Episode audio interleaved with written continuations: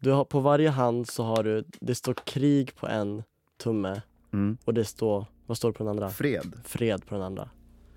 Hur kommer det sig? Jag tänkte på höger och vänster Ja. först. Alltså högern och vänstern liksom. Att, men sen var det också att eh, jag sjunger med den här. Jag sjunger mycket med vänster hand. Mm. Har micken i vänster hand. Där står det fred. Där står det fred. Och sen eh, krig så har jag liksom druckit med den när jag var kaosig och, och typ pekat. Ja, men det var, det var, jag, jag, bara fick en så här, jag måste skriva krig och fred där. Det kändes som att liksom fred, ja men framförallt med mikrofonen, att försöka komma Mm. ihåg att inte ta upp. Vad fascinerande just det här du säger med flaskan och det, att krigshanden på något sätt. Mm. Det blir så himla tydligt. Mm. Också hur många dimensioner en människa har. Mm. Det är inte bara krig och det är inte bara fred. Nej, verkligen inte. Det finns liksom så mycket dynamik i det. Mm. Det är inte antingen eller. Hej och välkomna till mitt avsnitt av Fattamans stafettpodd Det börjar med mig. Jag heter William Spets och i det här avsnittet så är det jag som intervjuar och ställer frågorna. Och idag så intervjuar jag dig, Mange Hellberg. Välkommen hit. Tack så mycket. Och i nästa avsnitt då kommer du i din tur intervjua någon annan. Ehm, och jag har valt dagens tema eh, och det är våld. Men innan vi kör igång så skulle jag gärna vilja höra lite om dig. Kan du berätta lite grann om dig själv? Som Mange Hellberg så är jag en musiker eller allkonstnär som gör jävligt eh, provocerande och eh, stark musik kan jag tycka. Mm. Och eh, även målar. Jag försöker någonstans att eh, både påverka och även också lära mig själv av det, jag- det jag skriver. För ibland så, även om jag har gått i olika eh, terapeuter och saker så har jag inte riktigt lärt mig saker om mig själv. Men när jag skriver ner det och, och tittar tillbaka eller uppmärksammar andra människor och deras beteende och kan känna igen mig i det så jag utvecklas av att göra musik. Liksom. Det är helt intressant faktiskt. Och när du säger provocerande musik, vad är, vad är provocerande musik? Ja, men jag, provocerande för mig att jag pratar mycket om utanförskap och jag kan tycka att det kan vara provocerande. Eh, folk vill inte, man, man vill liksom sopa saker under mattan. Jag pratar om alla slags utanförskap. Liksom. Eh, och missbruk. Saker som jag känner till eller som har levt i eller lever i. Och det, är inte, det är inte det enklaste att öppna dörrar med det. Liksom. Det vore en sak om jag sjöng om små hundar i parken. Mm. Men nu sjunger jag om små pundar i parken. Liksom. Och då blir det... Är din musik väldigt personlig? Ja, det kan jag verkligen säga att den är. Den är väldigt personlig och den är också väldigt... Alltså jag märker någonstans att människor tar till sig den på ett sätt som jag kanske inte trodde att de skulle göra. Som att folk har tatuerat in den och på, när jag, även när jag målat. Så att någonstans så känns det som att det finns fler där ute som har samma tomrum som Mm. de försöker fylla eller har gått igenom liknande saker eller kan känna igen sig i det. Liksom. Men det är det också som jag tycker är så intressant, att det är när saker är som mest personliga och ligger så nära en själv, Mm. det är då man skapar mest igenkänning. Mm. Har du tänkt på det? Mm. Så det är jätteintressant. I alla fall, temat för idag, Mm. det är våld. Mm. Eh, och jag valde det temat, jag tror att jag valde det för att jag har eh, relativt lite som jag uppfattar det, både fysiska och psykiska erfarenheter. Så jag är väldigt nyfiken på det temat för att jag, har- jag har inte samlat så mycket själv när det kommer till det. Så att det jag skulle vara intressant att lyssna på någon annan berätta sin tappning på det.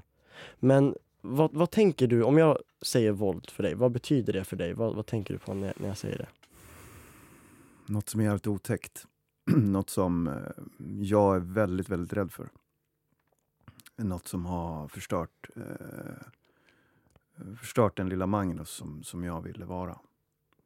Um, något som gör att jag fortfarande när jag hör hissen eh, och hissdörren öppnas så tror jag att människor ska slå in dörren. Liksom. Mm. Och det, den känslan har jag haft sedan jag var liten. Så våld för mig är eh, Ja, det är nog den största... Förutom att... eh, nej, det är någonting som jag är, har väldigt, är väldigt rädd för. Liksom. Så jag vet inte om man ska säga mer om våld. Det är, och det är någonting som det känns som att det, det blir mer och mer av det. När skulle du säga att våldet kom in i ditt liv för första gången? När jag föddes. Ehm, jag kommer inte ihåg någonting från, från 0 till 4 år, liksom, men eh, enligt barnavårdsnämndspapperna och sånt så, så var det liksom konstant våld på bilder. Jag, jag har en, ett fotografi som jag har i telefon där jag står med tomteluva och ett treåriga blåöga. Um, så våld kom in från 0 till 4 år. Liksom. Sen drog vi. Sen drog ni? Ja, jag och mamma drog från Stockholm. Mamma flyttade ner till Stockholm. Eh, träffade pappa då. Som, eh, och de gifte sig och bodde i Vällingby. Men efter fyra år så klarade inte mamma heller mer. Mm. Hon hade försökt ta sig därifrån men hon, nej, hon vågade nog inte. Till slut så vågade hon genom att polisen hjälpte oss att dra från Stockholm. Så åkte vi upp till Sundsvall. Och vad hände då när ni drog? Blev ni fri från det? Eller var det så? För det är ju någonting, det måste ju ha satt så stora och starka ärr på något sätt. Ja, alltså vi, jag tror aldrig jag kommer bli fri. Liksom. Um, men det som hände var att... Oh, det här är jobbigt. Uh, det som hände var att jag tappade bort mig själv. Eller jag har nog aldrig varit mig själv då. För att jag kan komma ihåg när jag var fem, sex, sju år så hade jag ställt till det med någon vaktmästare som jag skulle få vara. Jag fick åka med någon vaktmästarkille och, och tyckte det var väldigt mysigt. Men jag ställde till det redan där och snodde massa Coca-Cola av honom och ljög. Redan vid 6-7 års, års ålder så hade jag lögnen som en, som en, vad ska man säga, som en sköld eller som någonting att, ja men okej, okay, jag har det här skitlivet men jag ljuger om det här så kanske jag blir mm. intressant. Liksom. Och redan vid 6-7 års ålder så hade jag självmordstankar. Liksom. Som jag hela tiden försökte slå bort på olika sätt och gömma mig bakom. Liksom, mm.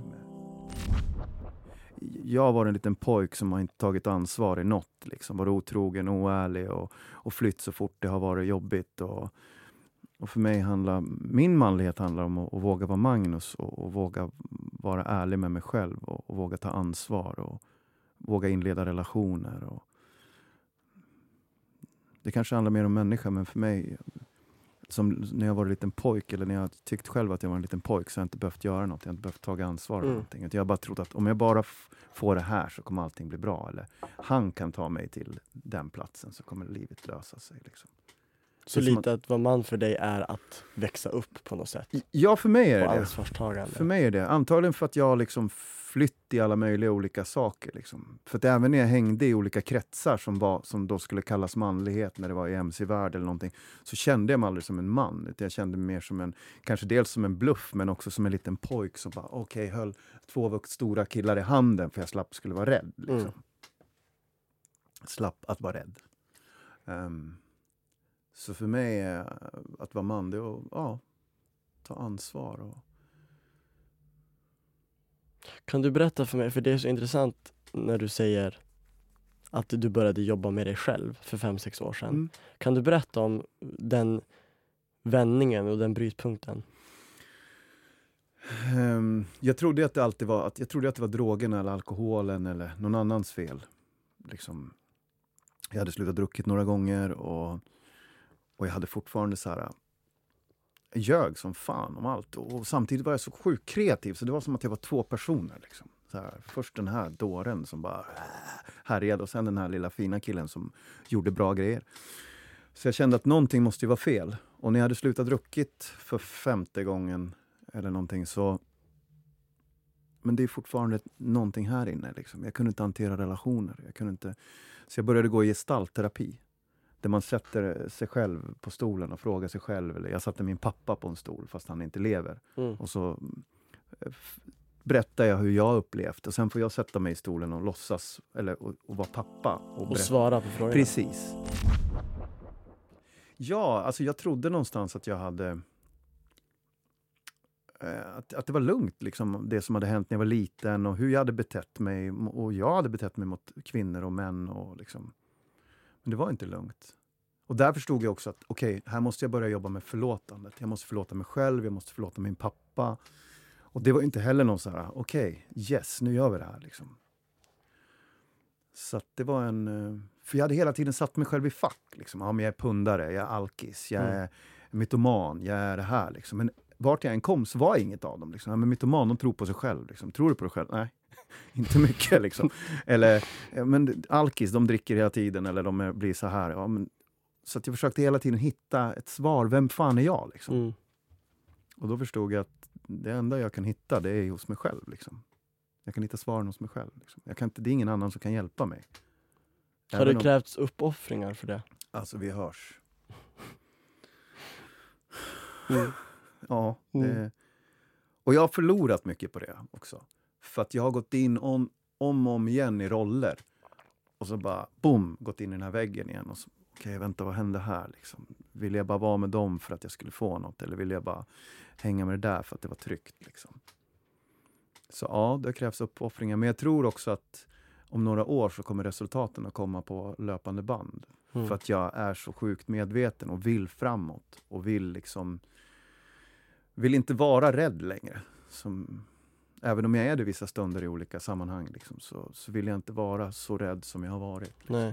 Och det är, för, för jag och Hampus i förra avsnittet, då pratade vi mycket om, om eh, hur mycket som händer i en när man blir medveten. Att Mm. det är en åtgärd i sig att bara bli medveten och börja tänka, Mm. ja men nu tänker jag så här, nu blir jag rädd. Mm. Istället för att bara bli rädd Mm. så tänker man, shit vad rädd jag blir nu. Mm. Varför blir jag det? Det händer mycket bara i att vara medveten. Mm, mm, verkligen. Och sen också någonstans, ja, verkligen. Och vissa rädslor måste du jobba med på ett sätt. Alltså vissa, som, jag har varit rädd för allt. Broar, vattenplan, allting sånt. Och nu är jag inte rädd för det. Igår när jag sprang runt Söder så bara fick jag så här lite så här tvångstankar nära vattnet. Antagligen för att jag är dålig på att simma. Liksom. Mm. Men då springer jag vidare ändå. Medan den här rädslan när jag ligger hemma i lägenheten och tror att den, när hissen öppnas, att det fortfarande är någon som ska komma in i lägenheten. Det är en rädsla som jag på något sätt måste jobba med. För att det är någonting som sitter sedan barndom. Så det finns ju vissa rädslor du kan gå emot och vissa rädslor som du, jag vet inte riktigt hur man ska hantera dem. Liksom. Och förhoppningsvis så försvinner de. Hur, vad tror du, hur kommer det sig att så många män är så bra på just våld? I jämförelse med andra, alltså allt mål, våld mot kvinnor, mot män utförs ju oftast av killar och män. Varför tror du att det är så?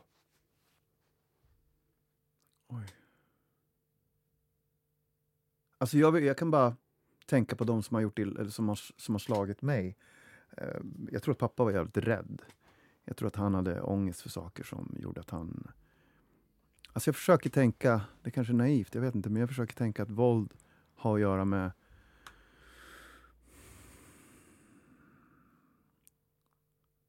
Alltså, jag har tänkt många gånger så, varför slog han inte de här stora killarna istället för mig och mamma? Liksom?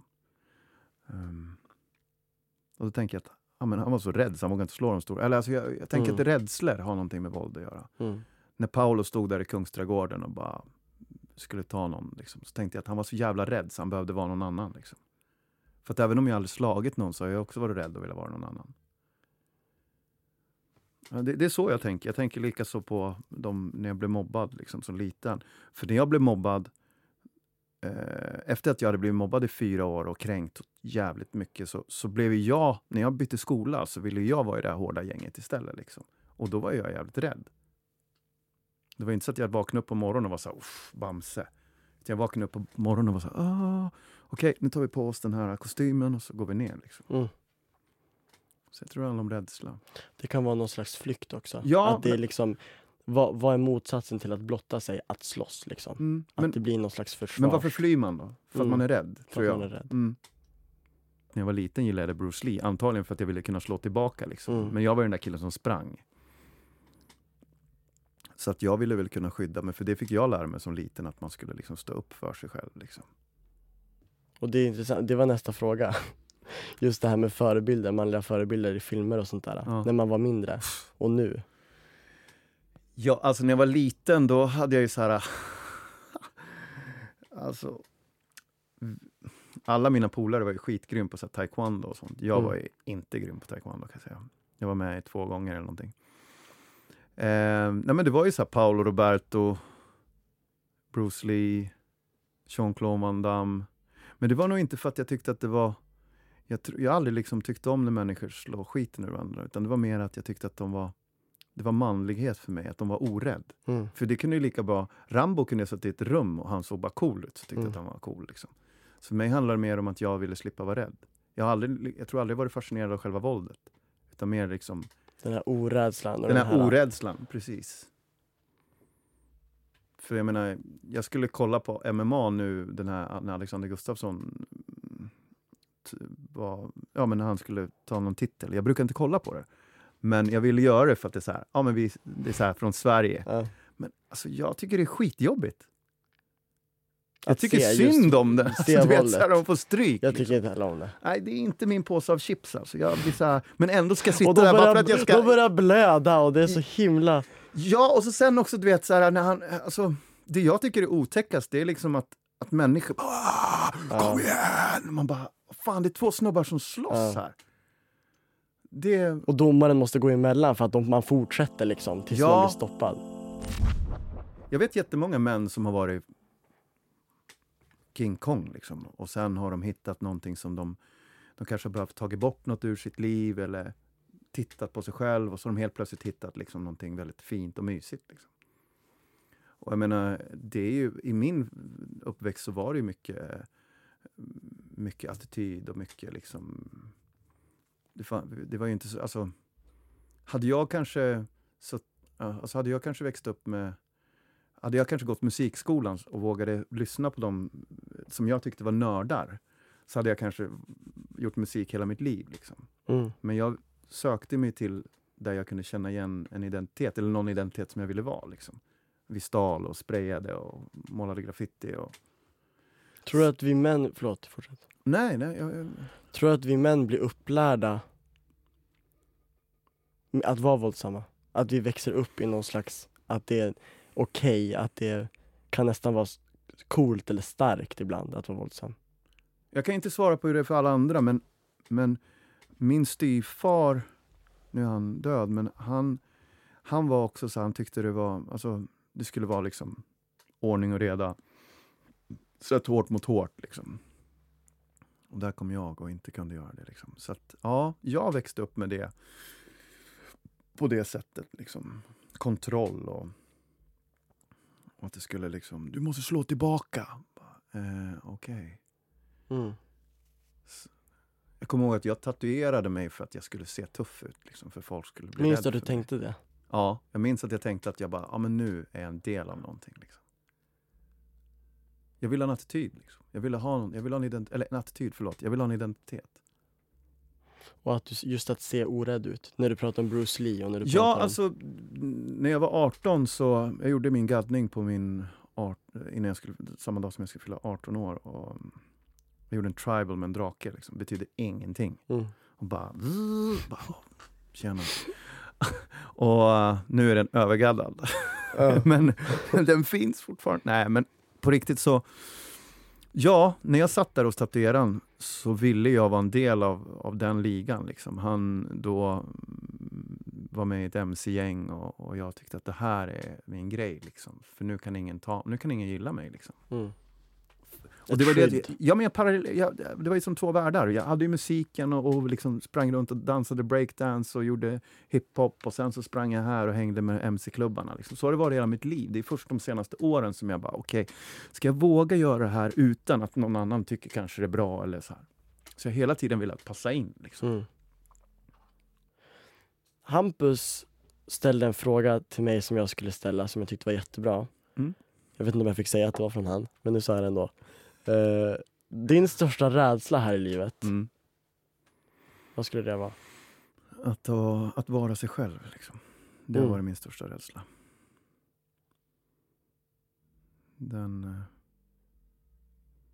Att passa in, eller att, att inte behöva vara... Att inte behöva passa in. Liksom. Att våga vara Magnus. När blev du dig själv? Alltså, varje morgon så får jag liksom någonstans prata med mig själv och, och våga vara Magnus varje dag. Jag måste hela tiden, 24-7 måste jag jobba med mig själv. Liksom. Ehm, men jag tycker att jag är väldigt, jag börjar bli väldigt, väldigt mycket Magnus. Liksom. Det har varit, ehm, det var tufft. Det har varit tufft ett år eh, för att jag höll på att tappa bort mig själv igen. Liksom. Eh, för jag vill gärna passa in. Det är liksom som någonting som har funnits i mitt liv lång tid. Men jag tycker att jag, ja, jag är väldigt mycket Magnus idag. Och det här kan jag tycka är konstigt att man inte, att när jag pratar om det här så kan folk bli så här, oh shit. Har jag, kan jag uppleva det, kanske bara i huvudet. Hur Men då jag- oh shit? Nej men...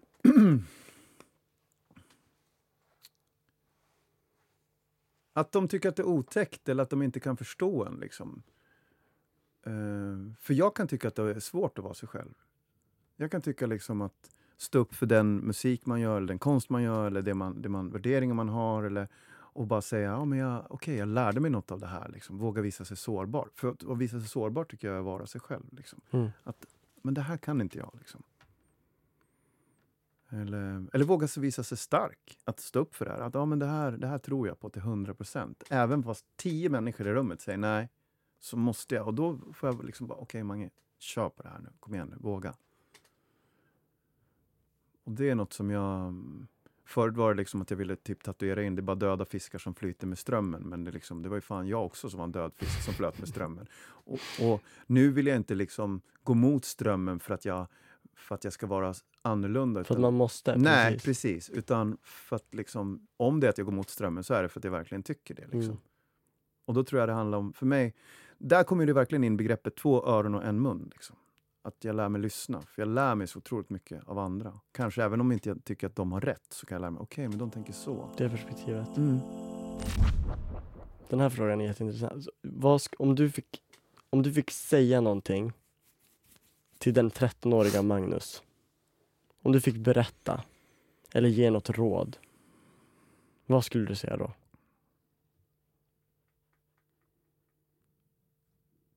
Mm. Var inte rädd, skulle jag säga. Det kommer ordna sig. Och att jag, att jag älskar honom. För det har jag inte gjort.